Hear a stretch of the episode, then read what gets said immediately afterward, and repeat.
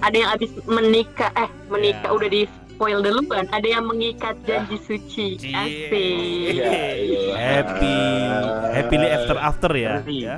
Ardi ya. Happy. Selamat apa namanya me- memasuki apa namanya mengarungi kenapa selalu mengarungi ya mengarungi Kenapa Menga- mengarungi? iya kalau Mengarungi mengarungi kan berarti kan kamu kan dimasukkan ke dalam karung kan di Iya, betul betul betul. Nggak Kenapa gitu, mengarungi? Beda Iya, dong. Iya iya. Saya kan menaiki kapal baru gitu, Oh. belayar. kenapa harus kapal gitu loh Walau ke ujung dunia Pasti akan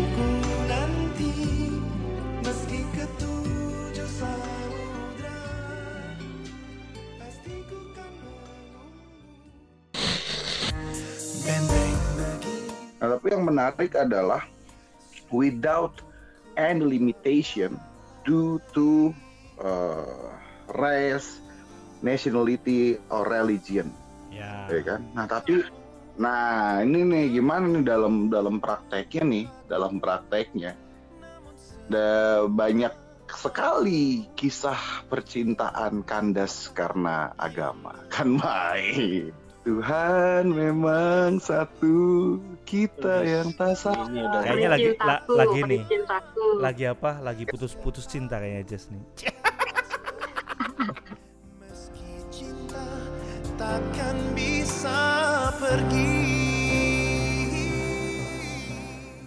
bahwa orang senang itu cinta itu itu nggak bisa nggak hanya bisa dibatasi hanya dengan katakanlah eh, orang aja. Lu pernah denger nggak? Orang nikah sama jembatan ya kan? Pernikahan sama jembatan. Ada kan? Kan dengan apa kan? Bukan dengan Iya, siapa gitu kan? Ada orang nikah sama boneka. Udah banyak tuh yang sama boneka boneka itu. Banyak Boneka banyak, mungkin banyak, masih iya. bantal. udah udah di itu. Sama bantal. Ya kan ada lagi tuh. Sama apa lagi? Mungkin sama selimut mungkin atau apa. Jadi memang apa ya? Fetisnya orang kan lain-lain kan ininya kan? Apa namanya? Iya iya iya.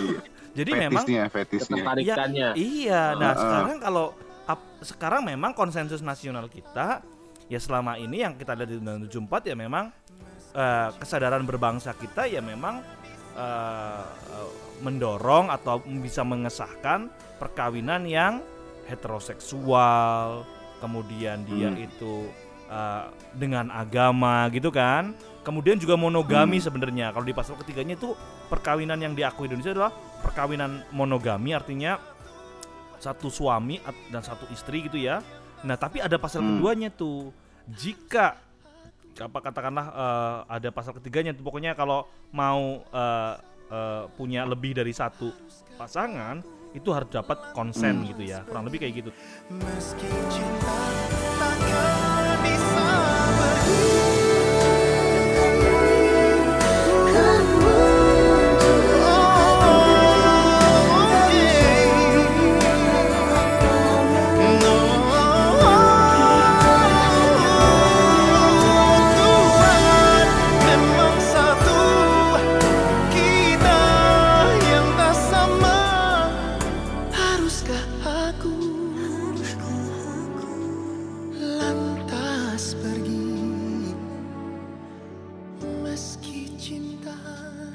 Selamat pagi, selamat siang, selamat sore, dan selamat malam Kapan pun kalian ngedengerin podcast ini Kembali lagi akhirnya bersama Hamburger Podcast by HRWG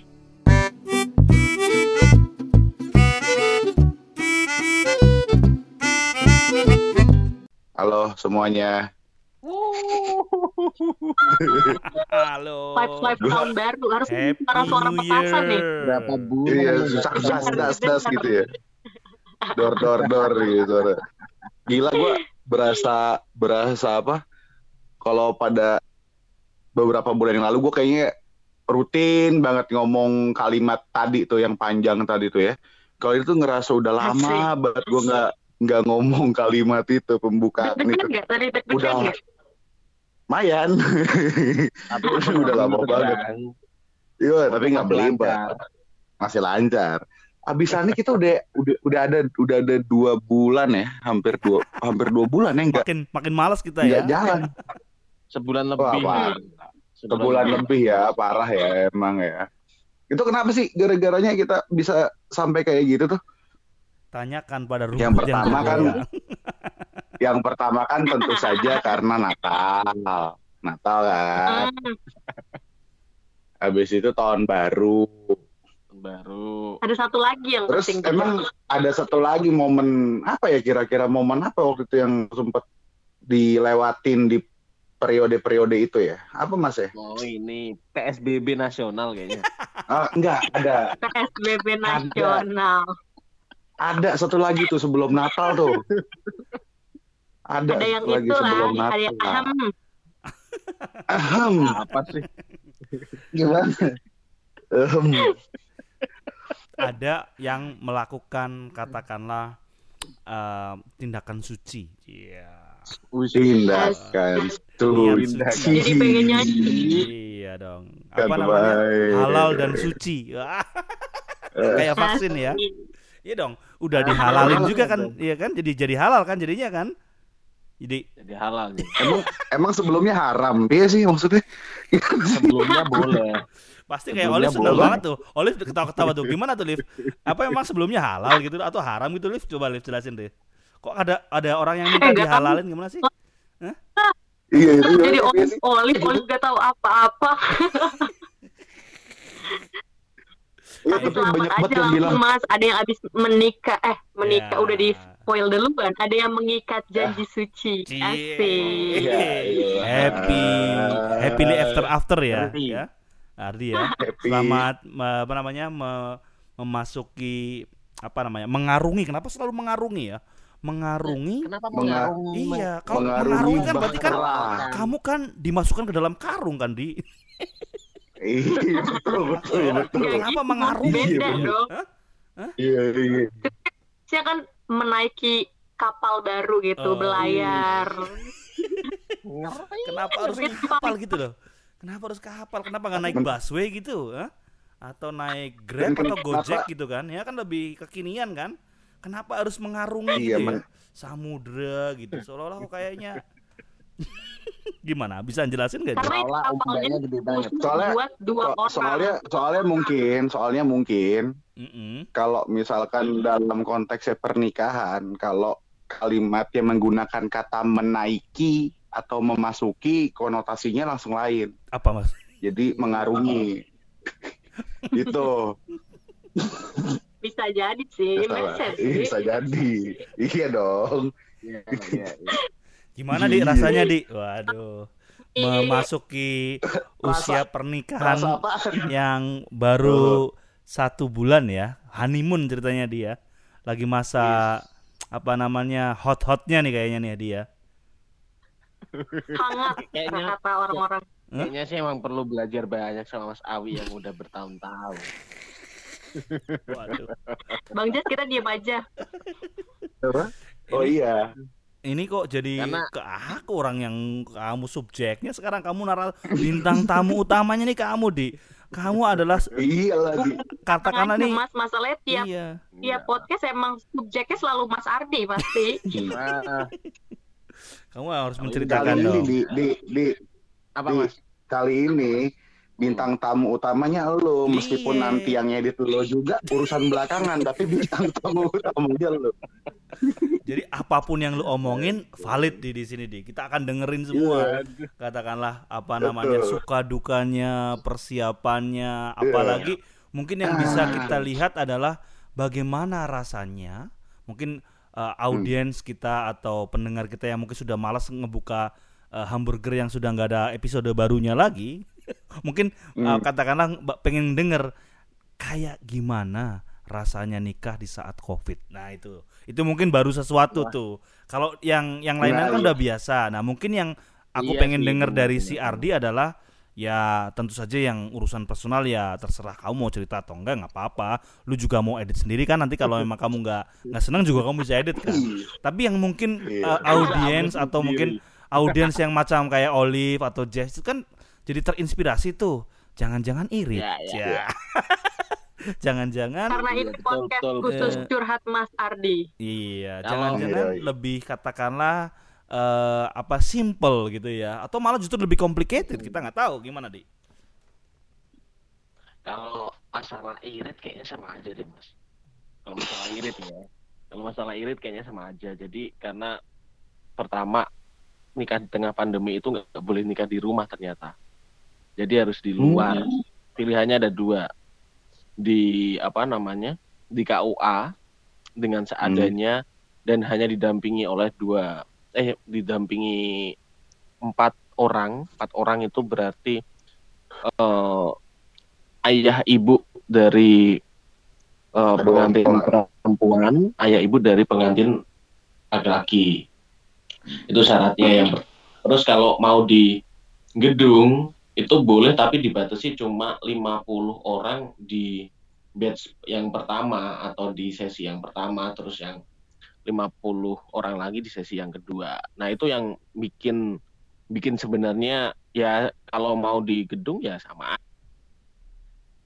ngasih apa namanya bingkisan. Cuma emang orangnya lebih apa namanya lebih lebih dikit lah kayak gitu. Orangnya lebih lebih bisa dikontrol. Yang datang pun Hmm. lebih bisa dikontrol. Cuman serunya serunya mungkin seru nggak seru ya nggak serunya ya nggak bisa ngundang teman banyak karena kita fokus ke keluarga besar. Awalnya mau keluarga inti. Keluarga inti itu yang di saudara-saudara kandung aja cuman ternyata keluarga kan yang di satu kota itu cukup banyak tuh. Jadi mau nggak mau ya udah keluarga besar. Langsung teman-teman pun itu teman-teman dekat. Sebenarnya kemarin kayak hamburger itu kan kita mau uh, spend uh, sekitar 4 sampai lima orang aku udah ngajuin.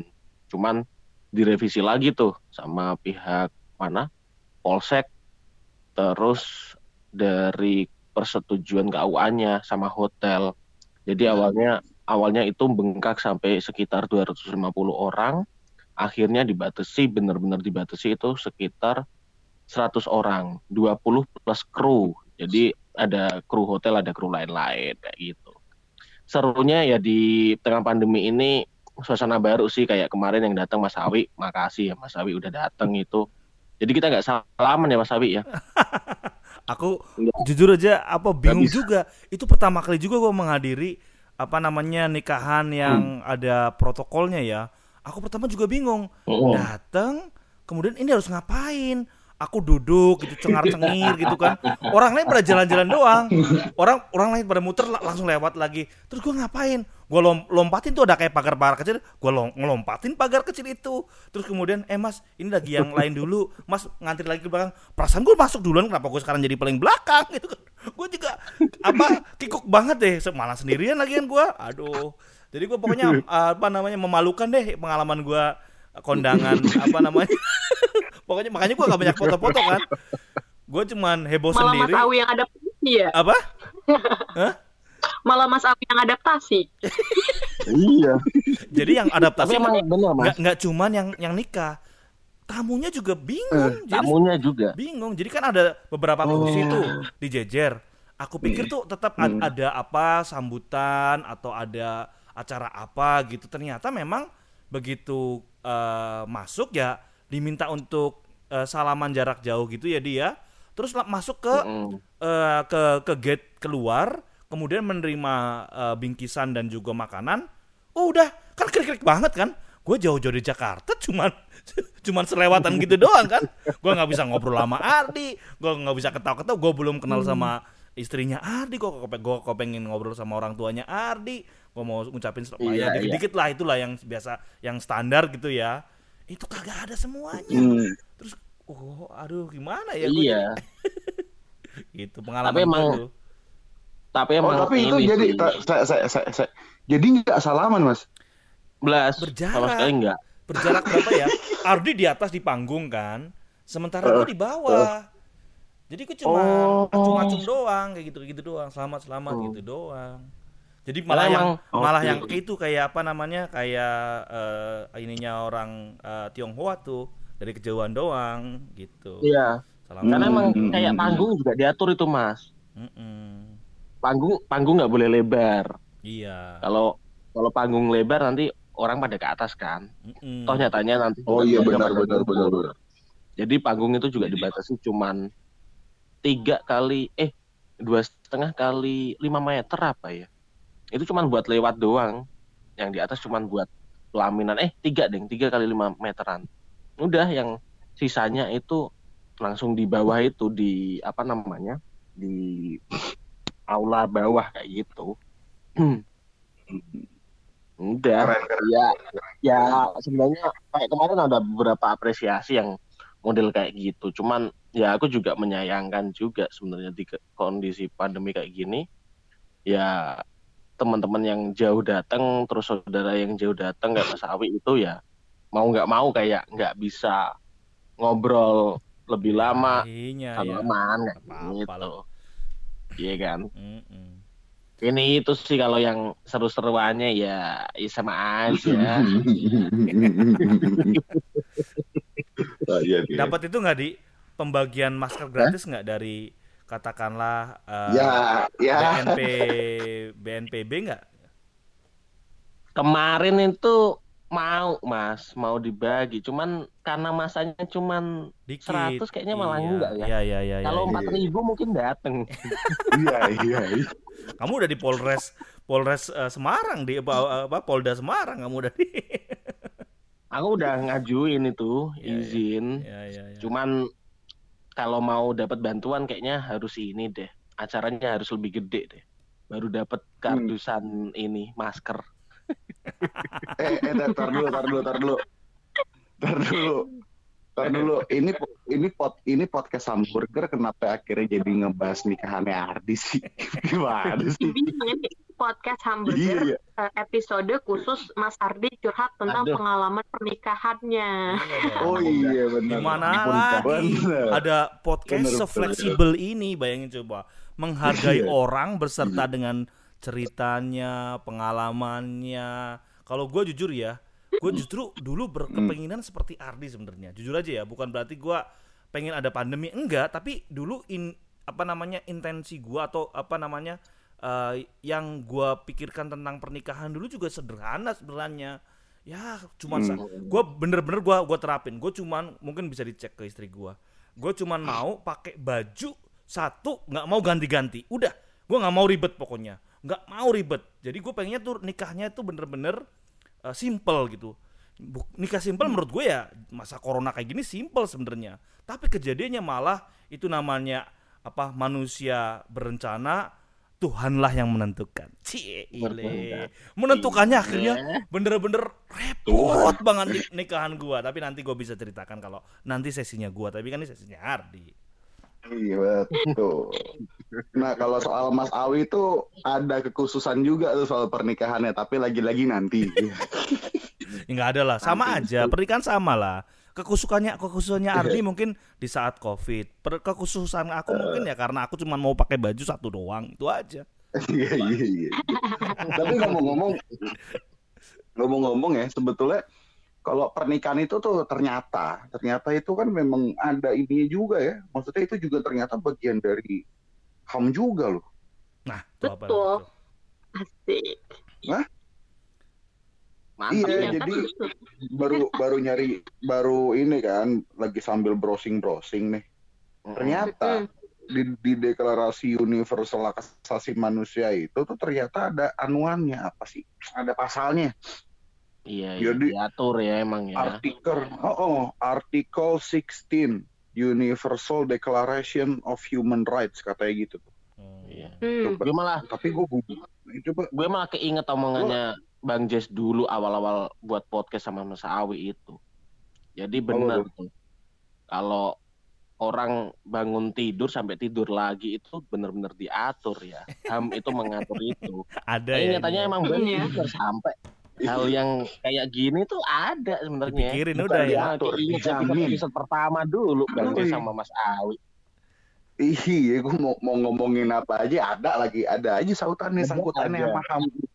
Ker- Keren, Iya. keren. Liv, suara suara gua jelek, Liv. Lu bacain dong artikel 16 tuh, Liv. Lu, lu dapetin. Bisa ya. Suaranya Iya. serak. Nggak, tadi, tadi aja tadi aja baru ngomong judulnya udah belibet-belibet lidah gua. Oke, dibaca Coba, ini coba, biar coba. semua Yang juga pelan-pelan, tahu. yang pelan-pelan, yang pelan-pelan bacanya karena ini bahasa Inggris kan. Pelan. Oke. Mm-mm. Ini di Artikel 16 uh, Universal Declaration of Human Rights Uh, tentang Hmm. Artikel 16 itu tentang right to marriage and family. Kalau di Hmm. ayat 1 ya, nyebutnya ya Mas ya. Uh, di sini tertulis nih di apa namanya UDHR singkatannya kalau men and women of full age. Uh, di sini di highlight nih of full age without any limitation due to race, nationality or religion have the right to marry and to found a family. They are entitled to equal rights as to marriage, during marriage, and at and at its dissolution. Kalau yang di ayat Oh. 2-nya ini juga nggak salah eh nggak kalah penting nih Bang. Mas eh, diatur juga di apa UDHR. Kalau di ayat 2-nya di artikel 16 ini marriage shall be entered into only with the free and full consent of the intending spouses. Kalau di ayat Hmm. tiganya, the family is the natural and fundamental group unit of society and is entitled to protection by society and the state. Itu ada tiga ayat dari artikel 16 di UDHR itu yang mengatur tentang perkawinan atau pernikahan itu sendiri nih Bang.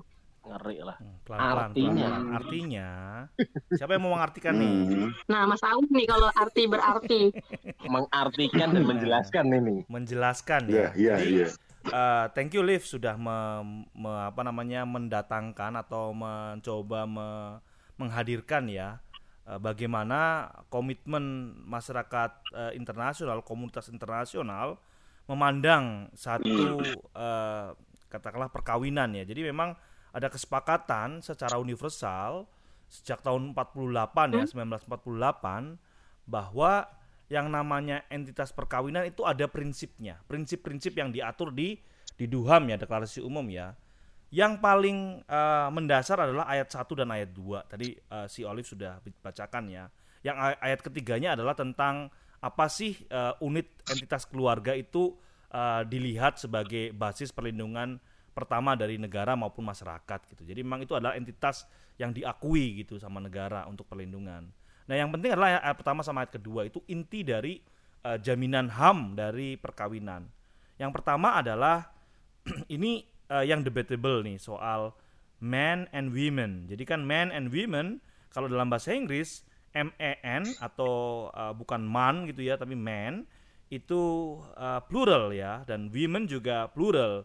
Jadi memang sebenarnya men and women of full age. Jadi te- titik tekannya adalah sebenarnya full age-nya. Full age berarti cukup umur.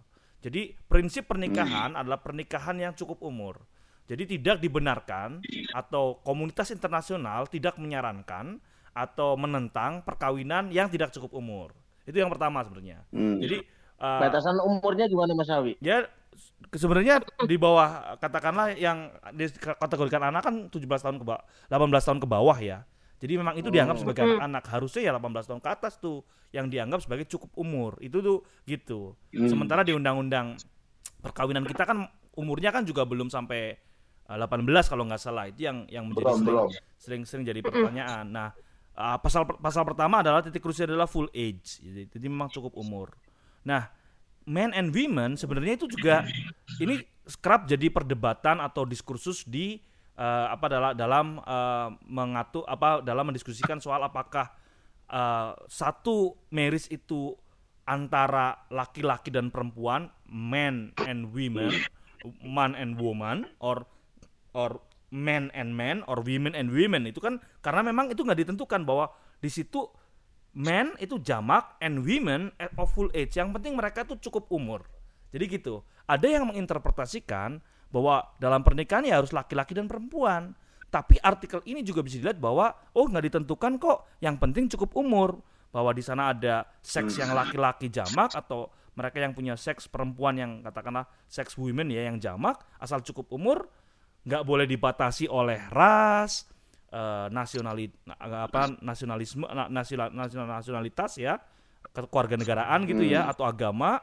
Jadi mereka punya hak untuk menikah dan membangun family gitu ya. Baik Oh, haknya jadi untuk membentuk eh, dalam pernikahan selama pernikahan itu haknya sama maupun ketika mungkin mereka memutuskan untuk menyelesaikan pernikahan atau perceraian. Itu yang pertama. Nah yang kedua Hmm. itu adalah kata kuncinya adalah with free and full consent. Jadi komunitas Hmm. internasional mengatur bahwa pernikahan itu ti- tidak boleh dipaksakan. Nah, nanti cek sama Ardi, apakah calonnya Ardi cukup umur? Apakah Hmm. Ardi ada unsur dipaksa atau memaksa Memaksa. salah satu pasangannya? Nah, itu yang diatur tuh kayak gitu. Jadi memang cukup umur dan tanpa paksaan. Itu eh, apa namanya prinsip eh, hak asasi manusia untuk melihat soal eh, perkawinan dan membentuk satu un- entitas keluarga. Itu sih eh, terjemahannya. Hmm. Tapi emang beda ya kalau misalkan yang ngomong itu langsung kelihatan kepakaran ya karena memang udah lebih senior pernikahannya. Iya.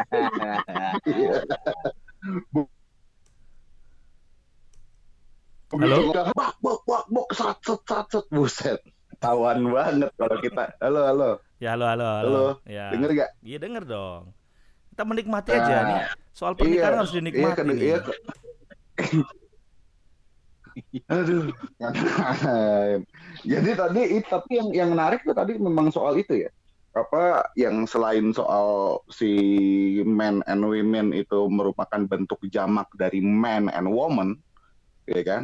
Bahwa dia ternyata ya bisa diinterpretasikan bahwa ya terserah mau laki sama laki kayak mau perempuan sama perempuan kayak kan gitu sebetulnya kan itu interpretasinya bisa demikian. Nah, tapi yang menarik adalah without any limitation due to uh, race, nationality, or religion, Ya. ya kan? Nah, tapi nah ini nih gimana nih dalam dalam prakteknya nih, dalam prakteknya ada banyak sekali kisah percintaan kandas karena agama kan main? Tuhan memang satu kita yang tak sama Ini udah Kayaknya lagi- la- lagi nih. cintaku. Lagi apa? Lagi putus-putus cinta kayaknya Jess nih. tapi, tapi tapi bukan karena beda agama Oke. Terus beda apa? Beda penghasilan. Atau apa? jarak Meskipun- kayaknya ini. meskipun pernah juga ya meskipun pernah juga dan terjadi gue yang curang jadi maksudnya Kena lo Bang Jess.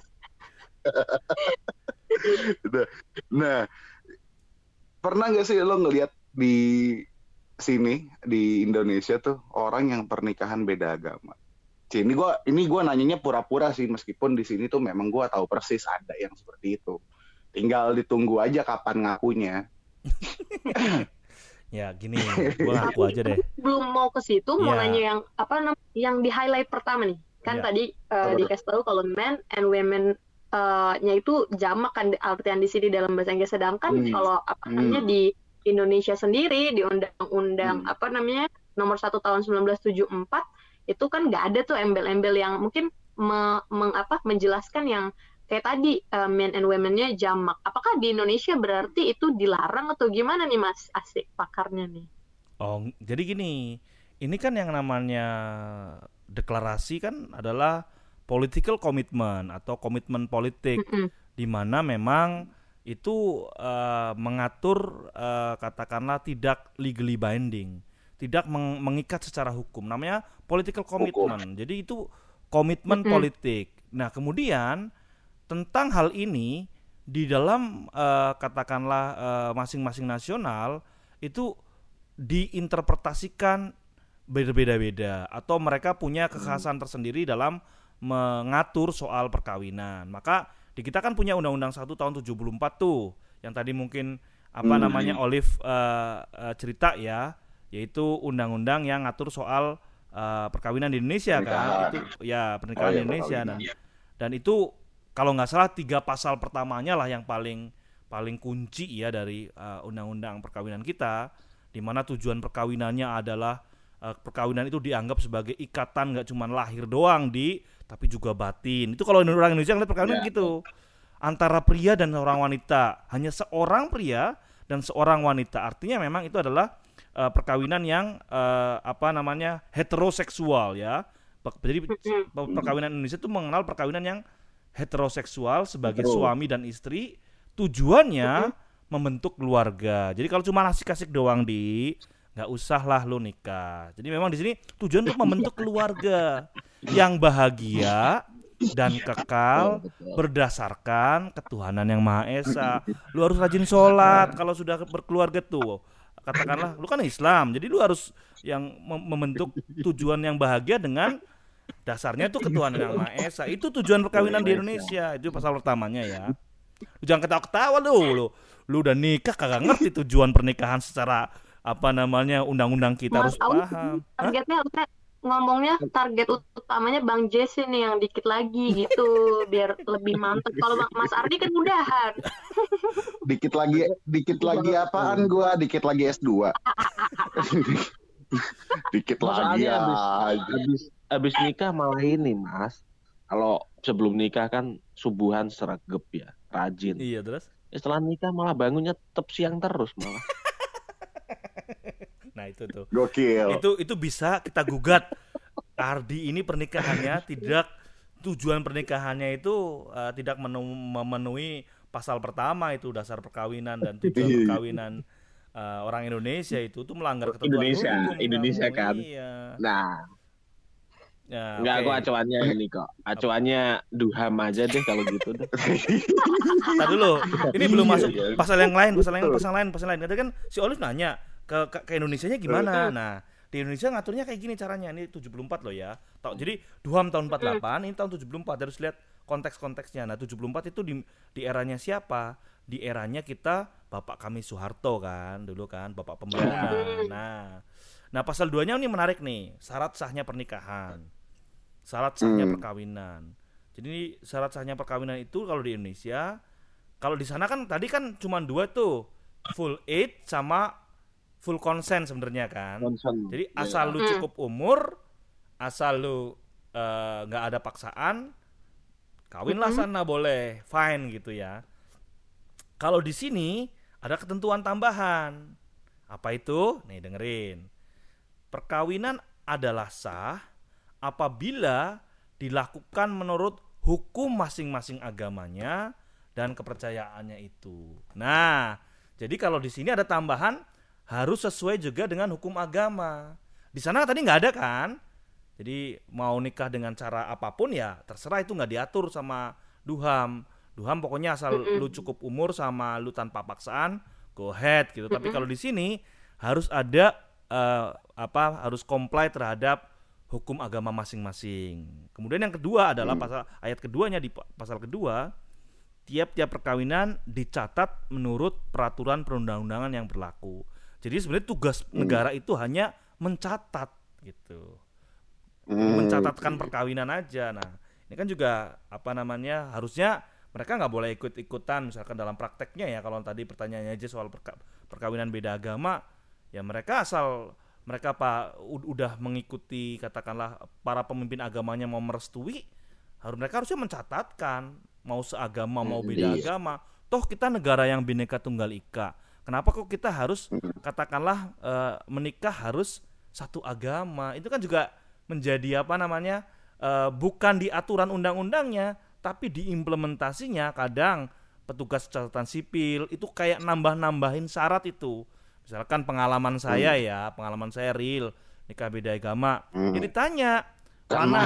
Nah, mana nih surat pindah kayak bu- kayak bukan surat keterangan gitu ya, pindah agama. Jadi harus Hmm. menyertakan itu so, sehingga memang jadinya perkawinan itu disahkan hanya satu agama aja. Padahal kalau lihat undang-undangnya menurut hukum masing-masing agamanya kalau dulu pernikahan gua balik tahun 2013 ya.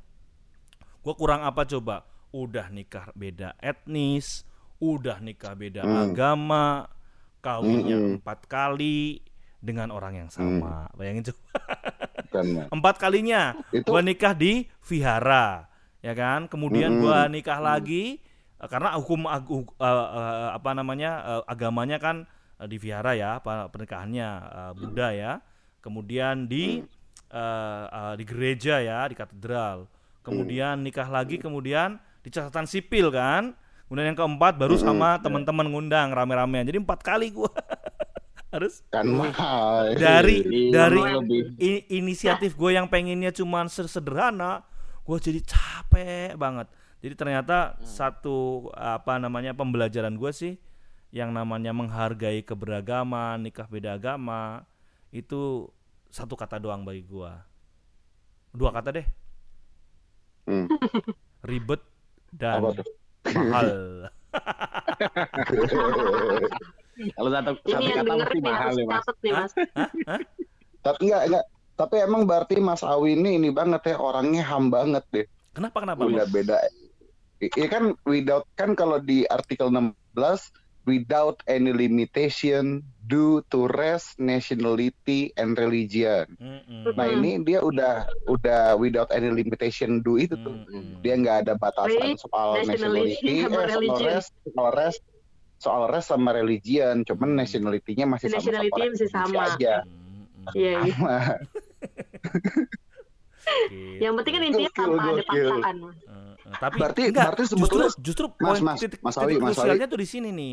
Titik krusialnya adalah Apa eh, dalam implementasinya di kita itu masih ada pertanyaan-pertanyaan yang memojokkan sehingga banyak orang karena menganggap agama Oh. adalah bagian yang paling prinsip, adalah suatu yang harus di te- pe- pe- pegang teguh-teguh, mereka rela Hmm. katakanlah, katakanlah putus dari orang yang dicintainya, yang disayanginya hanya gara-gara eh, nanti ribet karena akan harus satu agama. Nah, mereka pada menyerah. Nah, kalau saya kan orangnya agak rileks tuh dalam beragama ya, rileks ya. Saya mengatakan rileks loh ya.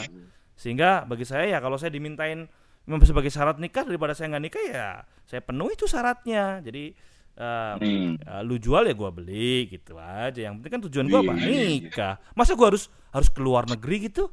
Ke Hong Kong, ke. Singapura atau ke Australia hanya untuk mencatatkan pernikahan gua? Wah, sorry sorry tuh saya Jack gua bilang gua nikah nikah di sini nih. Ya kalau gua belum bisa mengundang mengubah undang-undangnya lebih. Undang-undangnya sebenarnya cukup sebenarnya nggak nggak menentukan ya ininya tapi implementasinya. Jadi yang paling parah adalah di level implementasi dari undang-undang itu. Itu pengalaman gua. Hmm. jadi gua bisa jelaskan secara detail karena itu sangat sangat personalized gitu. Wah, berarti ada untungnya ada untungnya juga sih. Gua ngerasa ada untungnya juga nih tambahan untung gua kerja di sektor HAM nih. Kenapa kenapa Jadi ntar gua nikah berbasiskan HAM aja. kan kalau berbasiskan HAM katanya nggak apa-apa itu nggak usah pakai agama-agama. iya kan itu kan memang um, ditambahin di Indonesia ditambahin di konteks ini ditambahin Eh, iya. kalau Olive gimana Olive Hmm. Apa-apanya nih mas? Ren- rencana menikah langsung langsung atau gagal. apa Langsung impianmu gagap. tentang menikah Bentar. atau mungkin komentarmu tentang eh, prinsip-prinsip HAM dalam pernikahan atau komentarmu terhadap sistem hukum Indonesia tentang pernikahan itu gimana menurutmu? Hmm, asik, so- sosok mikir gitu lagi, padahal deg-degan nih. Udah pengalaman nggak ada, dan belum ada, ditanya ginian gitu. Tapi sebagai calon-calon ya mas ya nantinya, sebenarnya em, apa namanya? Karena aku juga mungkin sedikit belajar tentang eh, apa namanya em, Universal Declaration ini sendiri gitu. Terus tadi juga dari penjelasannya Mas Awi, ada nih beberapa hal mungkin yang dalam lingkup eh, apa namanya em, undang-undang di Indonesia yang eh, masih eh, apa berbeda gitu dari si eh, UDHR atau DUHAM ini sendiri gitu. Tapi kalau dari aku sendiri yang concern utamanya mungkin lebih dari eh, ngelihatnya dari segi ini kali ya em, perempuannya gitu. Di sini kan ada beberapa beberapa apa kalimat-kalimat atau kata yang menunjukkan tentang si em, apa pernikahan ini yang mungkin di Indonesia itu sendiri karena aku warga negara Indonesia. Ini agak-agak sedikit eh, apa namanya eh, Indonesia itu kadang-kadang suka bikin-bikin kan gitu. Bukan bikin-bikin sih kayak culture itu kebudayaan atau adat itu kadang-kadang em, membuat pola eh, terutama untuk perempuan. Karena aku di sini sebagai konteksnya perempuan ada hal-hal kayak dulu eh, apa namanya Siti Nurbaya gitu dijodohin. Berarti itu kan di sini kalau di Duham itu sendiri kan ada eh, kalau di perjodohan itu berarti mereka itu nggak memiliki konsen yang sama. Berarti harusnya itu nggak bisa tercatat sebagai per- pernikahan yang sah kan untuk itu. Dan di Indonesia sampai sekarang tuh ternyata masih banyak tuh kasus-kasus kayak Siti Nurbaya terus kayak tuntutan keluarga culture yang perempuan itu harus eh, gimana-gimana untuk menikah eh, berarti harusnya itu juga eh, apa namanya kalau merujuk kepada undang-undang atau eh, undang-undang yang tertulis gitu harusnya tidak tidak apa ya bisa dikatakan juga harus bisa di eh melanggar HAM kalau misalnya itu salah kan ya Mas ya? Kalau yang soal perjodohan apalagi yang pemaksaan gitu. Dan yang satu lagi sih Mhm. eh, concern utamanya adalah usia itu tadi. Karena kalau di Indonesia sebenarnya kan belum ada catatan eh, ada sih kayak 17 tahun ya kalau nggak salah ya 17 tahun ke bawah itu. Dan tapi pada kenyataannya di Indonesia ada pernikahan-pernikahan yang eh, apa Ya, namanya malah sudah terjadi oleh eh, perempuan-perempuan yang umurnya masih di bawah usia gitu. Nah itu sih paling aku yang kayak wow ternyata eh, aturan-aturan yang tercatat untuk si perkawinan atau pernikahan ini sendiri segitu eh, detail juga lumayan gitu. Tapi masih banyak juga yang terjadi di tidak sesuai dengan apa yang udah diatur gitu. Hmm. Keren kan? Tuh, karena gue tepat menanyakan ke Oli. Gini gue kasih tahu temen-temennya. Kamu tanya kayak gitu, Do, Hmm. apa inspirasimu soal pernikahan bisa? Jangan pernah tanya Hmm. ke orang yang belum nikah itu tanya kapan. Ngamuk pasti. Kalau gua, Oh iya. kalau ditanya kapan, kalau gua nih ya, kalau gue ditanya kapan Hmm. waktu itu ketika gue kan juga udah lewat agak kalau di orang Indonesia gue itu masih muda sebenarnya. Teman orang Indonesia ngerasa gue udah tua nikah nikah tua. Gue kalau ditanya "Kap- kapan lu nikah? Jawaban gue gampang banget. Tenang aja lu nggak masuk daftar undangan kenapa lu repot? Lu gak lu gak ada lu gak ada, lu gak masuk daftar undangan gue jadi orang yang nanya kapan nikah? Jawabnya gitu aja. Lu nggak masuk daftar undangan gue kenapa? Gitu. Terus tanya lagi misalkan kapan kamu nikah? Keburu ntar apa namanya eh, nggak laku lah apa dan sebagainya Itu perempuan sih itu juga Hah? biasanya tuh Nah, mas. kamu kayak, jawabnya gimana "Lu kalau kayak gitu Perawan tua lo gitu. Iya, Kayak, gimana? Itu kamu jawabnya gimana kalau ditanya gitu kalau aku mah udah udah yang sebenarnya itu balik lagi ke keluarga tapi alhamdulillahnya kalau di se- lingkup dalam keluarga kayak gitu kayak karena mungkin udah lebih banyak yang berpendidikan yang mungkin lebih pendidikannya lebih eh, lebih tinggi gitu misalnya dari yang orang-orang yang sebelumnya jadi kayak nggak terlalu yang kapan nikah dan segala macam dan kebetulan juga aku ini kayak anak dan cucu terakhir-terakhir gitu loh jadi kayak nggak terlalu kena mungkin yang atas-atas dulu sebelumnya pernah kena gitu Nah, tapi kalau misalnya aku kena kayak gitu ya paling jawabannya ya kalau nggak Sabtu Minggu nggak sih Mas? iya benar Iya benar. Iya. Pokoknya Kapan tahunnya- nikah kalau nggak Sabtu Minggu? Iya iya iya benar. itu udah pasti aja Kapan Minggu kapan nggak Iya. tahu. Wah, gitu. Jadi kita menanyakan ke tepat ke Olive. Jangan ditaper jangan pernah ditanya kapan. Itu sama aja bener-bener me- mengajak ribut itu kalau kayak gitu. Mengajak ribut sih Mas. ribut iya. Kita kadang pacar aja belum Tapi kelihatan hilalnya nanya nikah kan? Tapi lo diskriminatif sih. Mas. Kenapa. Mas Awi, kenapa kenapa lo, iya lo bilang ini pertanyaan yang tepat untuk ditanyakan ke Olive. Lo emang kenapa kalau ditanyain ke Olive. gue emang muka gue nggak ada Olive aja emang muka gue nggak ada tampang-tampang. emang muka gue nggak ada Kayak- tampang-tampang nikah apa kalau gimana? kalau gua lihat lu Jess gini lu harusnya lu harusnya merasa bangga dong dengan gua hanya menanyakan ke Olive karena kayaknya Iya. lu tuh lebih baik pernikahannya jangan negara yang yang ngesahin karena kayaknya lu sudah berpikir Kan. kamu anti negara anarko.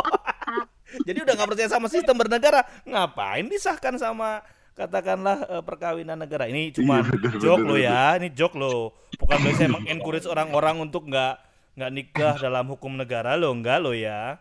Cuman saya cuma melihat jazz, jazz aja. Kalau yang lain ya aku sendiri aja nikah dalam hukum negara. Tapi tapi Oh, ini sih memang gue kadang-kadang suka mikir gini, suka mikir gini. Ini kan perkara nikah ya sebetulnya kan perkara komitmen si dua orang nih ya, mau dia cowok sama cowok, mau dia cowok sama cewek, mau dia cewek sama cewek serah. Bagi Indian ini intinya komitmen antara dua orang nih. Dua orang ini yang kemudian punya perasaan, dua orang ini yang kemudian akan ngejalanin hidup bersama dan segala macem. Nah terus ini si agama sama si negara ngapain ikut campur gitu ya? Maksudnya ngapain sih pengen-pengen banget diakuin gitu? Oh, gitu mikirnya sih. Kalau kalau sebagian orang nggak cuman agama dan juga negara, Bang Jess. Apa tuh? Ada weton juga, wetonnya nggak cocok nggak jadi. Oh iya, kultural banget tuh nih banyak Iya, bener, Jess, bener. Jess, Jess. Bener, bener, bener. gua gua coba apa namanya eh ini kan lagi apa namanya coba tajamkan lagi kan kamu tadi Hmm. nyebutin tentang siapa sebenarnya kan subjeknya adalah siapa berarti kan sesama Hmm. orang sebenarnya kita sudah lah- udah banyak Hmm. denger lah beritanya bahwa orang senang itu cinta itu itu Hmm. nggak bisa nggak hanya bisa dibatasi hanya dengan katakanlah eh, orang aja lu pernah denger nggak orang nikah sama jembatan ya kan pernikahan sama jembatan iya. ada kan? Kan dengan apa kan? Bukan dengan Iya, siapa gitu kan? Ada orang nikah sama boneka. Udah banyak tuh yang sama boneka boneka itu. Banyak, Boneka banyak, mungkin banyak, masih Oh, banyak, udah- iya. udah udah di itu. Sama bantal. Ya kan ada lagi tuh. Sama apa lagi? Mungkin sama selimut mungkin atau apa. Jadi memang apa ya? Fetisnya orang kan lain-lain kan ininya kan apa namanya? Iya, iya, iya. jadi memang Fetisnya, fetisnya. Ketertarikannya. Iya, nah Heeh. sekarang kalau ap- sekarang memang konsensus nasional kita ya selama ini yang kita lihat di Undang-Undang 74 ya memang eh, kesadaran berbangsa kita ya memang eh, eh, mendorong atau bisa mengesahkan perkawinan yang heteroseksual, kemudian dia Hmm. itu eh, dengan agama gitu kan. Kemudian juga monogami Hmm. sebenarnya. Kalau di pasal ketiganya itu perkawinan yang diakui Indonesia adalah perkawinan monogami artinya satu suami dan satu istri gitu ya. Nah, tapi ada pasal Hmm. keduanya tuh. Jika apa katakanlah eh, ada pasal ketiganya tuh pokoknya kalau mau eh, eh, punya lebih dari satu pasangan itu harus dapat konsen Hmm. gitu ya. Kurang lebih kayak gitu tuh. Jadi kalau nggak salah Hmm. pada Iya. asasnya dalam satu perkawinan seorang pria hanya boleh mempunyai seorang istri, seorang wanita hanya boleh Hmm. mempunyai seorang suami. Jadi mempunyai seorang pada suami. intinya itu yang disahkan sama perkawinan Indonesia itu adalah monogamus ya. Kemudian yang kedua, Mm-mm. pengadilan dapat memberi izin. Jadi sifatnya administratif itu kepada seorang Hmm. suami. Nah, suami doang nih, istri enggak Mm-mm. untuk beristri Mm. lebih dari apabila dikendaki oleh pihak yang bersangkutan. Jadi pengadilan hanya bisa memberikan izin kepada pelaku poligami, tapi tidak memberikan izin pada pelaku poliandri di Pelaku sini. Poliandri. Ini nggak ada tuh. Nah ini menarik kan. Jadi itulah tahun 74 kesadaran nasional kita, kesepakatan di undang-undang kita seperti itu. Nah kalau kita mau maju misalkan, nanti kalau mau Jess misalkan mau nikah sama jembatan, ya coba Jess berjuang. Bisa enggak? Tidak hanya dengan tidak hanya dengan orang ketawa tuh Alif tuh. Loh, itu kan sangat adil banget kan? Untuk tujuan Iya, bahagia, bahagianya orang kan lain-lain. Ada orang yang nikah sama. Apa namanya orang yang eh, hetero, apa namanya atau yang sesama atau yang atau yang Hmm. apa kan bisa juga kan? Yang menam- men- mencari kebahagiaan ketawa tuh Olive tuh ngakak-ngakak. Jangan-jangan Olive juga feti fetisnya juga jangan sama sama bantal tuh. Enggak dong, jangan dong. Langsung ini nih, Langsung defend. tepok-tepok ke kayu. Seru Eh, juga ya ngomong kayak gini ya. tapi Hah? Mas, Mas, Mm-mm. Mas. Mm-mm. Eh, menurut menurut teman-teman, menurut ini, eh, agak pertama-tama gue pengen nanya dulu deh. Ini loh, ini kan kalau misalkan ngomongin soal tadi perkawinan yang tidak heteroseksual, Ya. artinya perkawinan homoseksual itu kan Iya. tentu aja udah udah ada udah banyak yang advokasi nih, Mm-mm. ya kan? Udah banyak nih yang yang advokasi nih yang ya minimal di gerakan LGBT-nya dulu aja udah kuat, kita kan udah lumayan Mm-mm. kuat kan, gitu-gitu. Mm-mm. Nah, tapi kalau misalkan kayak perkawinan yang beda agama ini, itu udah ada belum sih yang kayak satu NGO khusus yang advokasi itu atau atau atau kolektif khusus yang advokasi hak-hak perkawinan Perkawinan. beda agama itu? Oh, Ya eh, sebenarnya sih ada kelompok-kelompok pluralis ya yang mendorong apa namanya eh, nikah beda agama ini bahkan eh, mengajukan katakanlah gugatan terhadap Undang-Undang 174. Tapi nyatanya kan katakanlah tidak dikabulkan kan dari oh, judicial oh review-nya. udah udah pernah Sudah, ada. sudah pernah ada. Kalau nggak salah anak UI kalau nggak salah ya. Oh, Kalau nggak baru beberapa tahun gitu. kemarin gitu ada tuh apa namanya ininya. Tapi memang eh, keresahannya sama bahwa jangan-jangan gara-gara eh, dia beda agama kemudian nggak bisa nikah hak konstitusionalnya terganggu kan atau terkurangi kan. Betul. Nah, sebenarnya kan Heeh. Eh, kalau mau kita ngomong katakanlah katakanlah ngomong soal apa namanya negara yang dasar negara kita atau semboyan negara kita adalah Bhinneka Tunggal Ika gitu ya seharusnya ya menghargai dong eh, keberagaman eh, apa namanya eh, agama suku budaya bahasa termasuk juga keberagaman dalam eh, mereka memilih karena negara yang beragam kan masa mereka pilihannya harus eh, seragam. Kan enggak kan? Juga harus menghargai dong negara bahwa pilihan itu bisa jadi eh, ke orang yang beda agama ke orang yang beda beda suku gitu. Harusnya negara Betul. kalau di undang-undang mandatnya hanya mencatatkan saja. Bukan dalam implementasinya kemudian ikut mengatur-ngatur. Nanya-nanya mana surat pindah agamanya? Nah ini yang kerap membuat orang akhirnya lebih baik eh, karena orang Indonesia banyak religius juga. Begitu ditanya un- untuk pindah agama wow menjadi isu yang sangat sangat sensitif sekali nih. Lebih baik gua mati daripada gua pindah agama. Nah, kayak gitu. Lebih baik gua kagak nikah daripada pindah Iya. agama. Nah ini jadinya ketegangan-ketegangan kayak gini ya nggak perlu menurut saya. Kalau betul betul. menurut saya ya cinta atau love gitu ya is human right. Jadi memang itu adalah harus dihargai dong. Dia kan cinta nggak bisa dibatasin. Masa cinta oke Kan, dengan dengan syarat. Syarat dan ketentuan berlaku.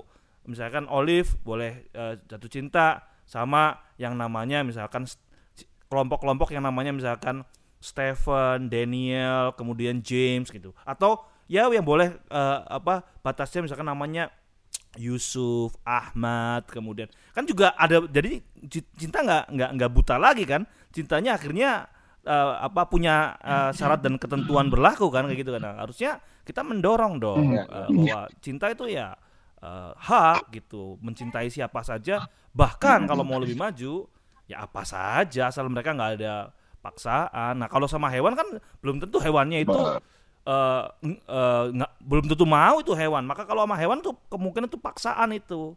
Kalau yang fetisnya sama hewan itu. Iya. ketawa lagi oleh itu. Tapi kalau sama benda nah itu kita bisa lihat. Kalau benda kan ya benda mati gimana? Jadi Benda mati. Heeh. kok kita jadi cerita kayak gini sih Iya nggak apa-apa. ini kayaknya udah kejauhan nih kalau ceritanya ini apa konteksnya udah jauh. Jadi terlalu kalau di handphone itu teksnya itu udah cukup nggak cukup layarnya dia tumpah-tumpah tuh udah. Udah udah udah udah, kepa- Tapi udah out of jadi- konteks Masalah jadi saya ini Nokia dulu. Iya. tapi tapi emang ini emang emang jadi kepikiran. Maksudnya tadi ya apa jangan-jangan udah perlu dimulai lagi nih inisiasi untuk eh, ya kan advokasi itu kan nggak cukup dengan misalkan kita ngajuin judicial review ya maksudnya ya. Tapi barangkali mempopulerkan kayak semacam memainstreamkan ya udah menormalisasi. Ya nggak ada salahnya kalau kalau misalkan mau nikah beda agama gitu. Dan itu sebetulnya adalah hak lo untuk lo mau nikah beda agama juga itu hak lo gitu-gitu loh.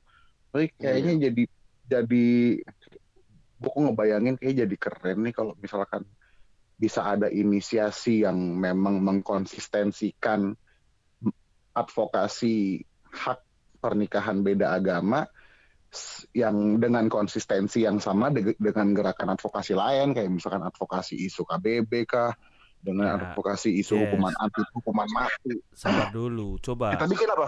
Coba Kita coba bikin tanya. apa? coba tanya dulu eh, kayak misalkan Olive atau eh, Ardi gitu Olive sama Ardi Hmm. ada nggak misalkan tuntutan dari keluarga ataupun mungkin interpretasi keagamaan yang mengatakan bahwa ya pasangan yang harus seagama ada nggak kayak gitu kayak gitu itu dulu yang menurut aku harus kita secara apa namanya sensitif melihat realitas di Indonesia masih ada banyak nggak eh, sentimen-sentimen Iya, betul, yang betul. mendorong ya oh iya apa namanya betul, betul. eh, seagama aja banyak masalah lu ngapain nikah Iya, agama iya. beda agama ntar anak lu dikasih na- agama apa kan kayak gitu di Indonesia kan begitu bener-bener Mm-mm. berpikirnya sampai sana Iya, iya. yang punya anak kita Iya, yang iya. repot orang lain mikirin anak kita apa agamanya apa bener nggak kayak gitu ya kan kayak Iya, gitu bener, bener, bener, bener. Nah, itu itu itu harus harus dipikirin. Jadi kalau hanya sekedar mempromosikan bahwa semua orang punya hak, di undang-undangnya sebenarnya sudah sudah nggak nggak mengharuskan juga gitu ya. Kalau kita baca secara real gitu ya. Tapi kenapa di implementasinya kita kok kenapa menjadi seolah-olah dipaksakan hanya untuk satu agama? Ini keli- keliruannya di mana? Dan apakah di sana ada main-main? Nah, kita nggak tahu kan.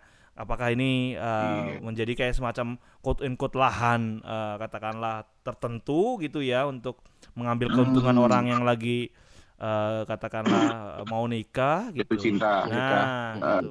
Nah, kalau mau ngembaliin ke prinsip kalau kita orang HAM ya balikin aja ke uh, apa namanya uh, prinsip dasarnya. Full consent, full ages, selesai gitu.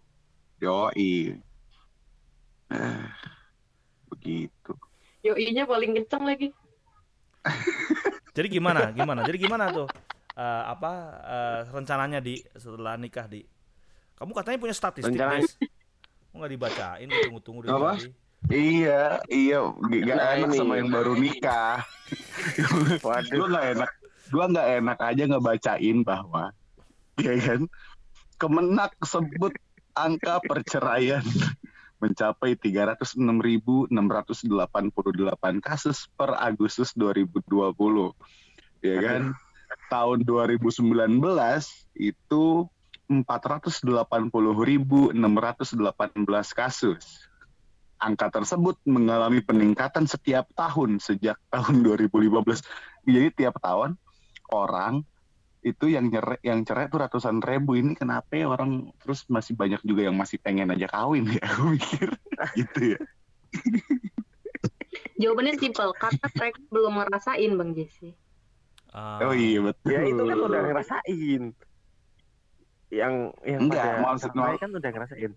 Kalau gua ngeliat iya gini, maksudnya kan pertanyaan kenapa angka perceraian tinggi? Karena mungkin menurut gua Hmm. nih ya, ini menurut gua, jangan-jangan hmm, nikah nikah itu adalah satu kayak semacam tujuan dan kemudian cerai Hmm. itu adalah satu solusi dan mungkin ini jadi jadi kalau ada masalah dalam pernikahan ya pikirannya ya, Ya udah. cerai jadi Iya. solusinya kemudian karena memang katakanlah eh, salah satu tujuan orang hidup tuh kalau di Indonesia itu ada salah satu eh, yang di peng, peng- pengangen-angenin keluarga itu menikahkan ya kan anaknya kan jadi satu tujuan hmm. siap nggak siap kemudian eh, mau nggak mau dia kayak semacam Hmm. punya harus punya kewajiban untuk menikah. Nah, ketika dia belum begitu siap menikah, ada masalah, ya akhirnya eh perceraian dianggap sebagai satu solusi gitu. Jadi kalau memang setiap orang itu eh, solusinya adalah cerai, begitu punya masalah cerai, nanti kawin lagi, ada masalah lagi, cerai lagi, nanti kawin lagi kayak gitu. Jangan-jangan kayak gitu. Itu eh, apa namanya cara pandang gua jangan-jangan eh, melihat eh, perceraian adalah solu atau mungkin institusi perkawinannya sendiri yang katakanlah kurang begitu fleksibel terhadap me- apa katakanlah menerima katakanlah eh, eh, katakanlah ya ya perubahan-perubahan lah gitu. Sehingga solusi dari adanya masalah rumah tangga ya harus dengan perceraian kayak gitu-gitu. Jadi bisa jadi ke sana. Kan semua institusi di dunia ini kan berkembang perbankan misalkan. Kalau ada stimulusnya kayak gini tambahin stimulus fiskal akhirnya equal lagi. Kalau yang ini lagi kan mas semua akan berkembang. Yang institusi yang nggak banyak berkembang itu institusi soal pernikahan. Gitu-gitu aja. Sehingga memang Iya. dunianya berkembang teknologinya berkembang eh, relasi orang juga mas sekarang macam-macam berkembang. Sementara institusi ini institusi yang ya ya kayak gitu aja gitu. Jadi memang ya memang challenge-nya berat. Undang-undangnya undang-undangnya aja kan masih tak masih lama kan Mas. iya Tahun berapa tadi? 74 empat ya. iya anyway Hmm. Jadi gitu panjang ya nggak ada habisnya Ngeri, ngomongin ngeri, ngeri. pernikahan selamat ya bro ya Habis. Udah nikah ya iya jadi tapi gimana Liv lo nanti akan mau nikah setelah melihat fakta lagi? tadi kapan mau nikah Tetap ditanyain lagi ya. Setelah enggak maksud gua setelah setelah kan kan kalau misalkan Mas Awi dan Ardi kan sudah tidak sudah tidak bisa Udah mengarungi tadi. Ah, udah masuk dalam udah karung nggak ya bisa, udah, udah masuk dalam karung udah nggak udah udah udah tidak lautan.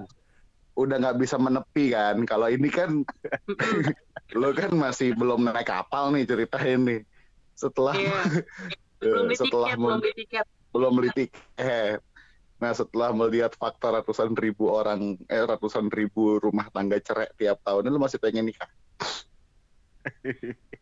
Eh, itu gampang jawabnya masih masih masih. Kalau Bang Jesse gimana? Masih. Enggak, enggak tahu. Ya udah. Ya udah. Ah. langsung nutup aja tuh Jason tuh udah langsung nutup aja tuh kalau ditanya tuh ah, lu mau gimana Bye-bye, orang tuh bye-bye. gimana? Langsung bye-bye. langsung bye aja Aduh. tapi gini Wah, kalau menurut gua ya kalau menurut gua ya kalau menurut gua ya kalau menurut gua ah, memang Hmm. eh, life is about experi experience sebenarnya. Jadi hidup soal-soal pengalaman sebenarnya. Kalau eh, kamu mau ngomongin pernikahan, kamu nggak menikah gitu ya itu kadang-kadang juga kan ngomongnya dari luar kan. Begitu kamu pengen merasakan ng- ngomong soal pernikahan, ya masuk ke kehidupan pernikahan sehingga kamu tahu itu yang di dalam karung itu kayak gimana rasanya, mengarung itu kayak gimana tuh, mengarung. Nah, ya nggak ya nggak di sekarang Ardi lagi memasuki karung itu. udah udah di udah dikarungi nih mas Ya udah udah. dikarungi belum diangkut tapi Oke deh ya, udah malam nih. Satu kata. Gimana? Jadi satu, kata penutup buat Ardi apa? Satu, Satu-satu ya? Olive dulu satu-satu Satu, ya. satu-satu ya. Hmm. Satu-satu ya. Mm-mm. Buat Oh, masing-masing. Ah, ah, Oke. masing-masing. Oke. termasuk eh, aku nanti dari juga gua. mau ngatain ngatain juga aku sendiri apa Eh, iya. Oh ya. Oh ya, kita Eh, belum nanya Ardi menurut tujuan gua- perkawinannya apa gitu dong. Oh iya, coba coba. Apa eh, Tujuan perkawinan lo apa nih? Aduh. Gak bisa jawab gue Oke. Iya, wes. susah Oke, Cipta. Si- Kamu dulu, Jess. Eh, Kamu dulu, Jess. ya. ya udahlah. Hmm. Coba coba Mas Awi dulu deh dari yang paling senior deh. Kalau dari aku halal dan suci. Eh, Dua tuh dua Iya. tuh. Kayak ini dong, kayak apa namanya? Kayak vaksin kan? Halal dan suci dong. yoi. Ya, eh, Iya, iya. Dari banget. Olive, Bang Jess. Bang Jess Bang Bang Jess lah. Masa Nah, gua ya. Oke, gua berarti good luck on that. Kamu ketawa kayaknya apa nyinyirin gitu loh. Good luck ya good luck, Iya. good luck Enggak loh. gitu dong. Enggak gitu. loh. Enggak padahal. loh. Good luck on that, Di. Oke. Oke, nah gitu dong. Expression itu penting. Iya, iya, iya. iya. Sekarang oleh Olip Olip Hmm, semangat sih. gitu aja lemes banget ngomongnya. Oh ya? Mas tapi Cuma gak kayak tahu gini, sumpah. gua- Mas Ardi. gua ta gua lanjutin deh, Liv. Mm-mm. Selam- selamat melepaskan masa lajang. Cie. Iya, iya, iya. Iya, selamat melepaskan masa lajang. Dong. Sekarang Ardi sendiri. Selamat Sekarang Ardi sendiri. rasain loh mm, mm, gimana? Ya, rasain lo. Gimana di kamu di sendiri? Di? gimana Ya itu dia dia udah ngomong Apa tadi. dia? Dia ngomong dia ngomong ke dirinya sendiri, rasain lo katanya gitu. Waduh. Oke, thank you lah. Udah itu juga. Oke, oke. the best. All the best. Wish you all the best. Yes, itu. ngeri lah. All the thank you, thank you. Mantap Oke. pokoknya semuanya juga Oke, mantap lah. hamburger uh, aktif oh, lagi ya kita ya. Nanti setiap seminggu sekali kita okay, akan ketemu okay. lagi. Teman-teman terima kasih. Selamat okay. tahun baru dan see you Selamat in the Natal. next episode of Hamburger. Episode. Bye. Bye. Bye. Bye.